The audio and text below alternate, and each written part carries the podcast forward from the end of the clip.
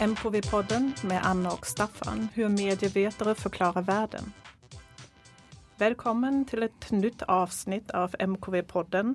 Och idag har vi igen en gäst som så ofta. Den här gången är det Philip Seufeling som är doktorand fortfarande hos oss på MKV vid Södertörns högskola. Eh, och vi ska prata om din avhandling som du kommer försvara imorgon. Ja. ja. Hej. Hej. Eh, och hela avhandlingen handlar ju om en specifik plats. Och platser, ställen uh, i världen har ju varit ett ämne för MKV-podden tidigare. Vi har pratat om städer, vi har pratat om klassrummet, om skolan. Um, men idag ska vi prata om en väldigt specifik plats.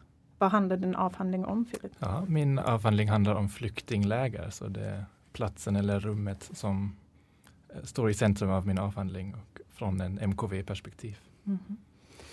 Staffan? Ja, eh, kanske ska först notera att eh, det är fjärde gången i rad vi har en avhandlingsskribent som gäst. Och det är faktiskt lite avsiktligt, eller hur? Mm -hmm. att, att, mycket av det mest intressanta, om man får säga, som görs i forskning eh, i MKV händer ju på, på avhandlingsnivå. Eh, men det är tyvärr ofta så att det liksom blir lite en angelägenhet för handledare och betygsnämnder och sådär.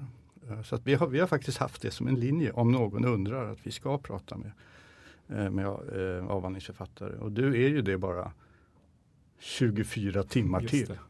Filip, Inte ens det? Nej, Filip disputerar imorgon och ser oförskämt samlad ut. Men bara fake. ja, det är bara fake. Ja, nej men eh, just det, eh, om vi går direkt på, på avhandlingen då. För vi hade ju också en, en, eh, vi har ju en rubrik för avsnittet som är ett krångligt ord. Mm. Heterotopi. Mm -hmm. och du kom ju hit som, med intresse för migration och medier. Precis. Och så hamnade du i flyktingläger. Kan du säga någonting om hur du liksom, varför du tog den vägen? Precis, så jag var intresserad i lite olika grejer. Jag har pluggat MKV och mm. uh, kommer därifrån men var också intresserad i migrationshistoria och migrationens koppling till medieteknologier och mediepraktiker. Och sen blev jag mest intresserad och det var också varför jag hamnade här att studera historia av mediepraktiker bland flyktingar. Så hur, vilka teknologier, vilka medier har använts tidigare när man var på flykt? Som är ju inget särskilt nytt fenomen att eh, folk var på flykt och det var väldigt mycket stor, eller stora diskussioner om det, eh, särskilt efter 2015. Och eh, allt det här är nu så digitaliserade och smarttelefoner har varit så centrala i hur um, flyktingar har upplevt hela sin resa från Mellanöstern och så vidare hit. Men uh, um, ja, så det var en väldigt stor diskussion också inom MKV och jag var mer intresserad av vilka historier det finns att berätta om det. Och då har jag sen hamnat på, ett, på det speciella stället flyktinglägret som en väldigt kontinuerlig plats som har alltid funnits genom mm. historien av flykt. Och uh, där inne som jag kunde visa här också det hade också alltid funnits medieteknologier och mediepraktiker som väldigt centrala grejer eh, på, för att få lägret att funka mm. och uh, i upplevelser av flyktingar som har bott på läger. Mm. Så vad har du tittat på mer exakt i lägret ja. när det gäller media? Så empiriskt har jag tittat på Tysklands efterkrigshistoria, särskilt efter 1945 då, då det har funnits jätte, alltså miljontals flyktingar i centrala Europa som har bott i hundratals eh, läger. Och eh, i Tysklands efterkrigshistoria har jag tittat på eh, vilka slags teknologier och praktiker det har, eh, har ägt rum i, i flyktinglägret. och det innebär en ganska brett sätt. Alltså jag, min mediebegrepp som jag använder i avhandlingen är väldigt brett. Så det, det innebär papper som till exempel en väldigt central medium som sen kan bli register, ID eh, eller så. Men också sen radio, inte tv men eh, bio eh, fanns också. Men sen kan man också kanske förstå arkitektur som ett medium som också um, styr vilken slags kommunikation kan äga rum inom, um, inom lägerrummet. Så till exempel vad är privata platser, vad är mer offentliga platser och uh, lägret är ju i och för sig en ganska offentlig plats från början. Det finns mm. inte så mycket med privata mm. utrymmen där inne.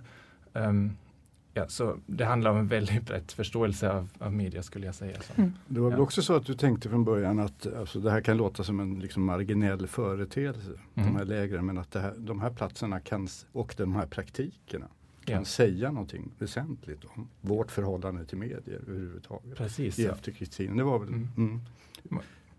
Utveckla gärna det. ja, man, man, kan ju tänka att flyktingläger är ganska marginala ja. platser mm. som ligger på sidan i mm. periferin av mm. samhället som man egentligen inte vill se och uh, man kan inte se. Men det visar sig att de, de finns ju på riktigt och de, mm. oftast, eh, särskilt i efterkrigstiden, så var de i centrala, alltså i centrum av, av städer. Mm. Så det kan vara gamla hotell men också uh, gamla koncentrationsläger faktiskt som användes som läger men alla möjliga platser som blev flyktingläger. Mm. Och de är inte så perifera i och för sig. Och sen mm. om man tar den perspektivet också på, på mediepraktiker så kan man visa att, de, att flyktingläger ofta speglar vissa mediepraktiker som är egentligen ganska centrala för hur hela samhället fungerar.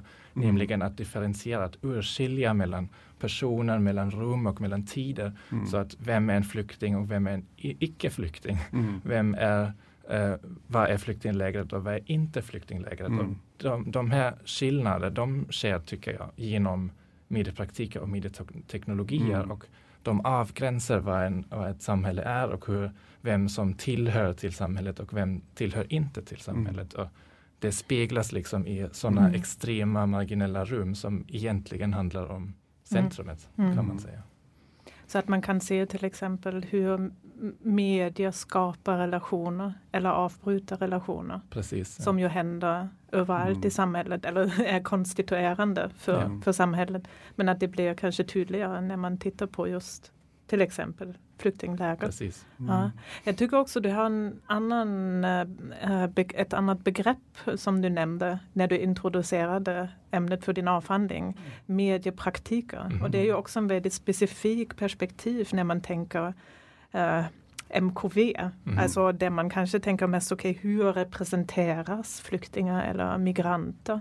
Kan du säga lite mer om det? Ja, alltså mediepraktikbegreppet kommer ju med helt teoretisk bagage kan man säga mm. i, i MKV och handlar, egentligen vänder om hela traditionella MKV som, som fokuserar på representationer och texter och hur de recipieras av, av publiker och sånt. Men mediepraktik tar utgångspunkten som vad gör folk egentligen med medier och eh, bädda in det i hela sammanhanget av andra sociala praktiker som utgör socialt liv.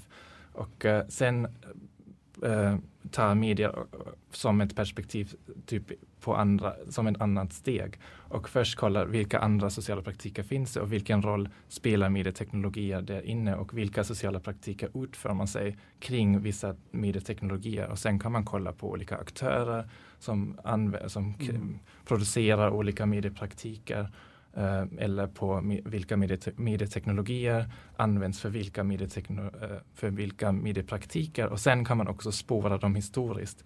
Att säga att ja, det finns vissa mediepraktiker idag som till exempel registr registrerar folk med digitala teknologier som också fanns på efterkrigstiden. Och det är samma mediepraktik fast det är olika medieteknologier. Och en del av de här praktikerna, det handlar inte bara om det rumsliga i din avhandling utan Nej. du skriver ju faktiskt om tid ja, i lägret. För det är en märklig, inte bara en märklig plats utan mm. en slags övergångstillstånd, en slags limbotillstånd. Precis, ja. Lägret är ju först och främst ett rum men det funkar också bara som rum för att det har en viss temporalitet mm. eller tidsaspekt i sig också. Så som du sa, det är en undantagstillstånd, mm. ett limbo. Man är, mm.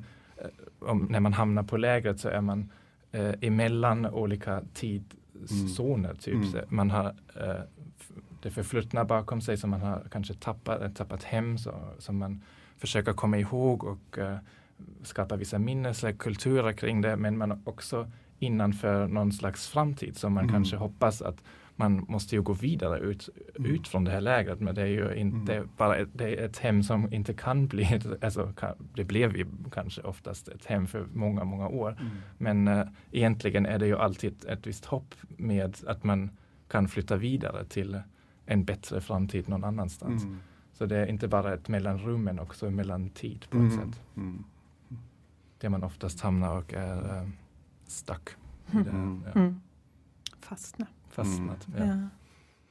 Och så finns det sådana eh, praktiker som handlar om politik eller Mm. organisering och, och Precis. aktivism Ja. och så som du också ägnar ganska mycket. Ja, så jag skrev om rum och tid som perspektiv men jag skrev också ett kapitel om polit politiska prak- mediepraktiker. Så det handlar sen om aktivism och protest och eh, em, motstånd mot hur flyktinglägret är uppbyggt och vilka regimer det, det äger rum i, på lägret. Så, och där fokuserar jag- mer på 80 och 90-talet för det var en mycket mer politiserad tid och eh, Mm. Eh, också eh, flyktingläger i, i Tyskland var mycket mer segregerade än på efterkrigstiden en- och eh, mycket mer rasistiska strukturer i, i hur de var organiserade.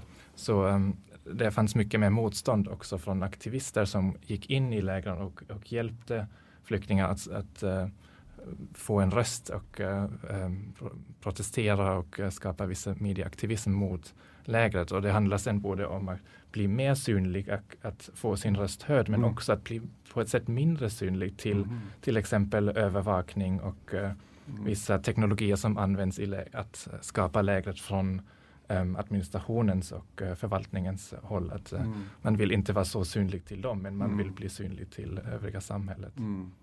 Mm. Så man är ju lite fastnad i det här paradoxet också. Finns det till och med sådana här liksom testbäddfunktioner man kan hitta för, för registrering och sånt som har utvecklats i, i Säkert det Mm. pratas ganska, mycket- ganska mycket idag om hur läger på i Grekland till exempel på Lesbos eller så Ja. um, används som testbäddar för Ja. nya eh, AI-teknologier och sånt. Men man Mm. kan säkert spåra också Mm. det tillbaka för att eh, se hur vissa teknologier först används på sådana testställen som man har lite olika etiska eh, Mm. förhållanden. Man kan bara pröva på och sen se om det funkar eller inte. Och, eh, för att det är en sån antagligen marginell rum där ingen egentligen bryr sig vad som Mm. händer där. Mm. Mm. Ja, och sen eh, har vi ju ett väldigt centralt begrepp i den avhandlingen vid sidan av mediepraktiker som du har redan eh, berättat om. Eh, men som också är temat för Mm. dagens avsnitt, heterotopi. Mm. Ehm, kan, vill du säga någonting om hur du använder begreppet Ja. heterotopi i din avhandling? Ja, alltså det är som Staffan sa innan, en ganska, kan- kanske lite krångligt begrepp. Mm, mm. Uh, heterotopi betyder ju andra platser, alltså hetero som annan topi som plats och kommer från eh, Michel Foucault. Och eh, det har blivit en, in, ett sätt att, en, en ingång för mig att förstå eh, hur platsen av flyktinglägret fungerar på ett sätt, vilka sociala funktioner den har och sen att koppla den till rollen av mediepraktiker och få en slags analytisk grepp på hur jag kan interpretera dem eller tolka de mediepraktikerna där. Mm. Och så kallar jag dem för heterotopiska mediepraktiker och heterokroniska mediepraktiker Mm. Just som är de Mm. tidsbundna mediepraktiker och försöker förstå det här paradoxala som jag också pratade om, att flyktingläger är alltid paradoxer i sig. De är innanför och utanför samtidigt och sånt. Och, och det är egentligen vad Foucault pratar om i sin väldigt kort text om uh, heterotopier. Precis, och den har vi ju läst Mm. till tag- dagens avsnitt och sektionen vi läser. Men jag tänker fråga en sak till Mm. innan vi går över till Foucault. Eh, och det handlar om mm, metoder. Mm. För du har ju ett historiskt angreppssätt men du är intresserad av mediepraktiker. Hur kan man studera Mm. dem på ett historiskt sätt? Alltså, när man var- inte kan fråga dem. Det var en krånglig fråga som jag ställde mig också i, i början. Hur kan man göra det om man inte tar nutiden som utgångspunkt? Och, så jag hamnade helt enkelt på arkiv. Så jag har hela materialet som jag använt i avhandlingen eh, kommer från olika slags arkiv. Och det har jag också förstått allting som finns på arkiv som eh, mediepraktiker som man kan spåra i arkiv. Så Mm. eh, jag läste olika arkivmaterial från institutionella arkiv och från eh, aktivistiska med sådana typ community-arkiv. Eh, att få en överblick över alla möjliga slags källor som kan finnas eh, från, eh, kring flyktingläger. Och sen um, förstod jag dem som mediepraktiker också för att de är mat material och de säger någonting och sen kan man försöka spåra vad gjorde folk eh, kring olika slags mediepraktiker. Mm. För det kan väl också vara ett problem för mediepraktiker kanske inte först och främst det man Nej. sparar när man Nej, precis, skapar ja. arkiv. Alltså om det nu är det byråkratiska eller det mm. social movement arkiv. Det ja. är inte det man tänker på. Men, Nej, men om man förstår det som finns på arkivet som mediepraktik från början då blir det på ett sätt, alltså naturligtvis hade jättemånga limitationer, men också möjligt att eh, till exempel en eh, dokument från förvaltningen, det är en mediepraktik i sig, att någon har suttit ner och skrivit någonting på papper. Mm. Det säger ju någonting redan och sen kanske står på pappret, att vi har haft 50 radio eh, på, på lägret och vi har en biosalong på lägret. Så sen, det berättar också på ett annat sätt, på en annan nivå någonting om, om vilka mediepraktiker som har ägt rum. Mm. Och detsamma gäller för aktivistiska arkiven när det är vissa zin som är självproducerade eh, källor. De är mediepraktiker redan i själva materialet men de också berättar om, om någonting. Mm. Du har liksom fått uppfinna lite ditt empiriska underlag genom de här arkiven. Ja, precis. Det ja. finns ju inget arkiv nej, för mediepraktik. Nej, Och, men jag kommer ja. ihåg hur du beskrev det tidigt som en svampjakt. Ja, precis. Att man går där och strövar och ser ja. ingenting och sen så börjar man förstå en logik där det finns dömda, gömda skatter. Liksom, precis. Så, ja. Ja, men det var en intressant liknelse. Att, ja, till slut, en, till slut en... fyllde du korgen med massa olika, för det är ett fantastiskt material i den här avhandlingen. Man har tittat i den som är fotoalbum och register och mm. byggnader. Alltså väldigt sådär, som du, ja, du sa brett men det, är också, det finns en slags logik i mm. det. Ja, det finns det. Uh, I vad du har samlat in. Ja, uh, ja så det är också igen uh, en call till våra lyssnare att hitta din avhandling på mm. nätet. Mm. Media and the Refugee Camp. Så att man kan titta på materialet. Det är också väldigt många fina bilder. Mm. Så ska vi gå över då till mm. delen vi läser. Mm. Där har vi alltså med oss äh, texten från Foucault of Other Spaces, Utopias and Heterotopias. Vill du säga något vad det är? Vad är det för text? Vad är det för text?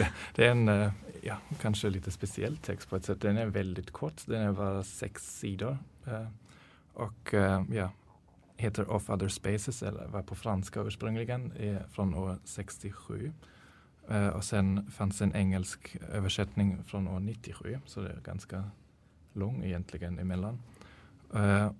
Och sen Foucault har också nämnt begreppet på två andra ställen. Det finns i förordet till en av Foucaults böcker.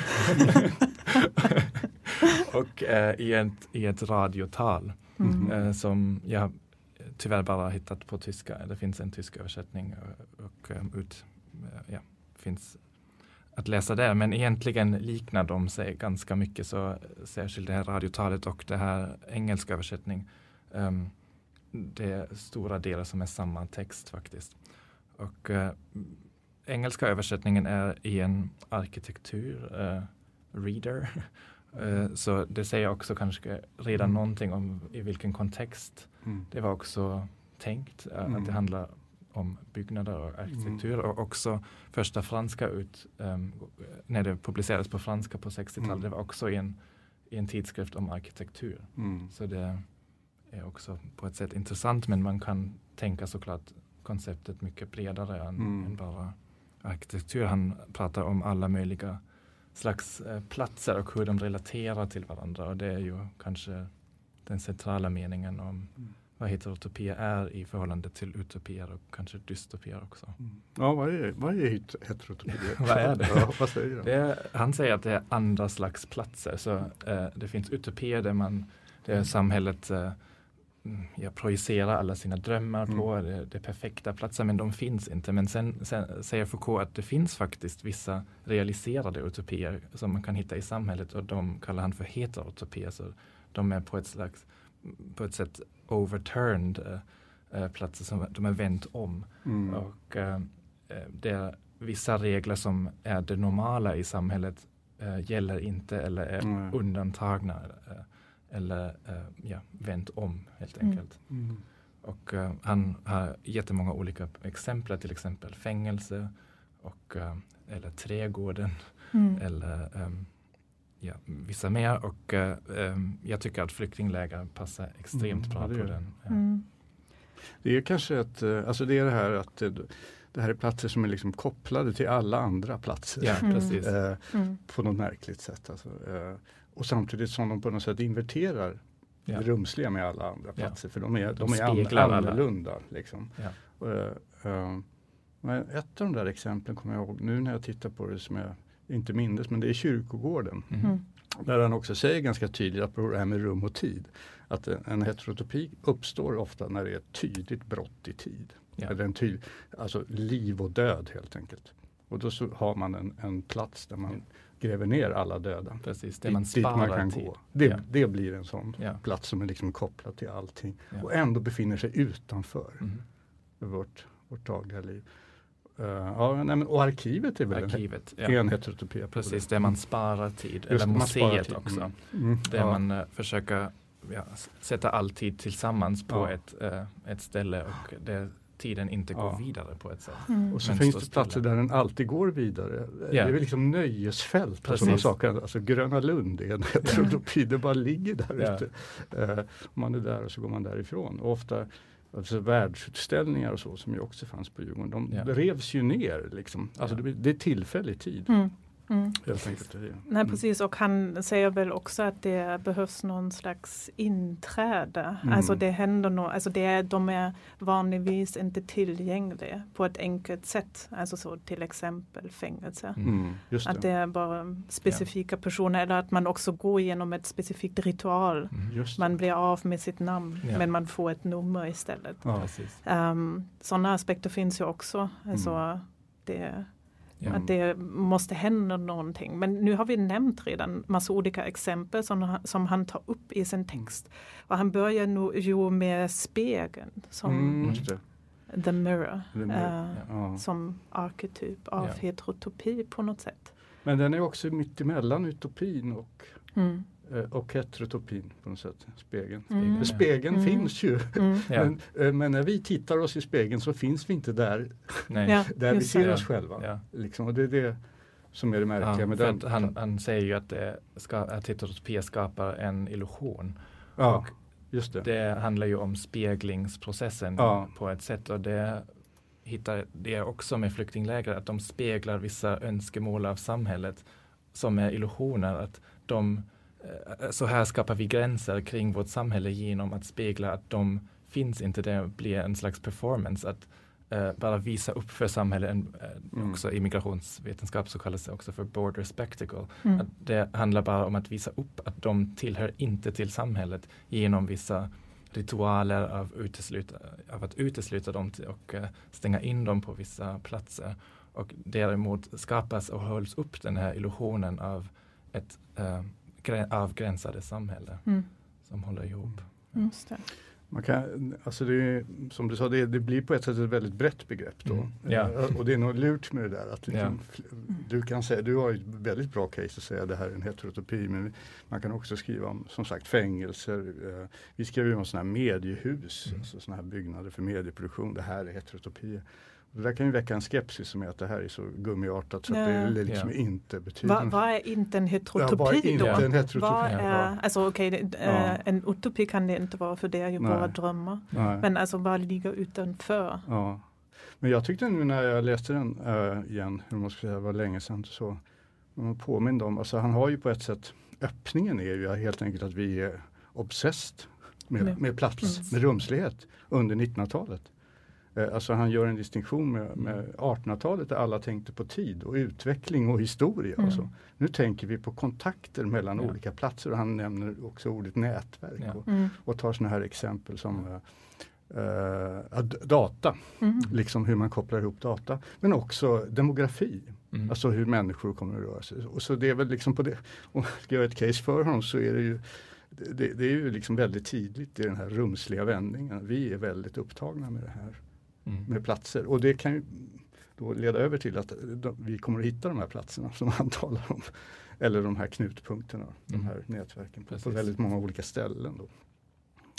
Kanske. Mm. För att han skiljer ju mellan 1900-talet eh, med det här lokalisering av allting på, vissa, på enstaka platser. Ja. Och nu säger han är vi i en tid av patterns of ordering. Att Ja. det handlar om relationen Det mellan om och, och hur de och knutpunkterna. Precis, Ja, ja. mm. Och där kommer in, tycker jag, medierna extremt tydliga. Att Ja. de skapar och möjliggör den ja, här, de här kopplingarna och Ja. kontakterna eller inte. Och Nej. skapar urskillnaden och sånt. Ja.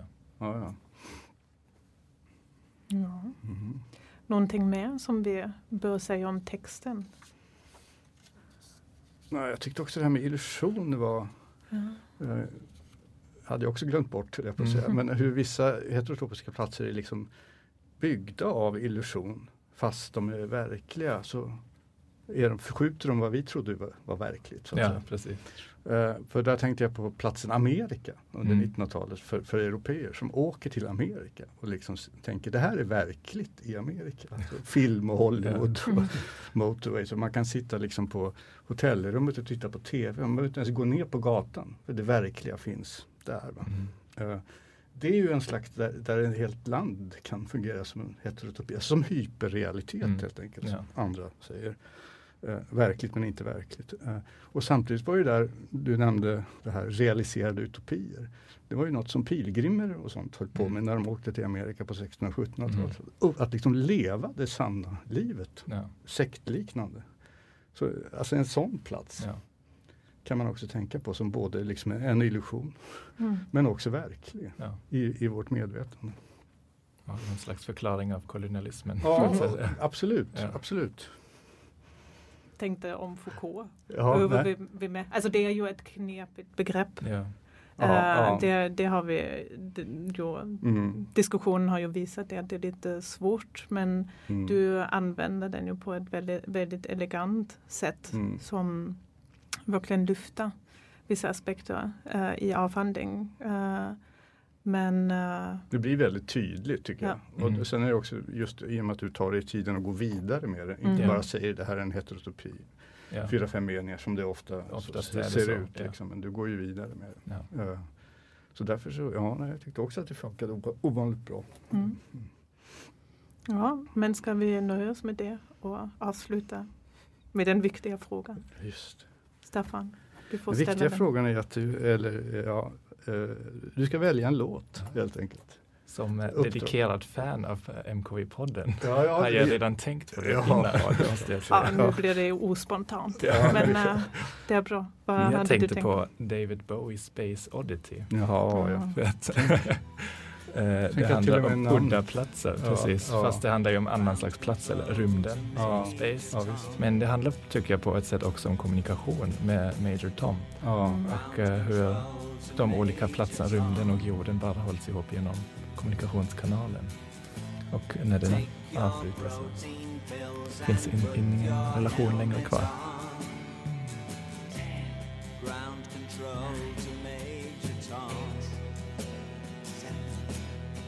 Ja, men eh, då är vi klart med avsnittet om heterotopi för idag. Tack till dig Filip att du Tack. var med och berättade om din avhandling uh, Media and the Refugee Camp.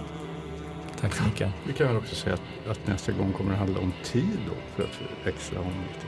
Mhm. This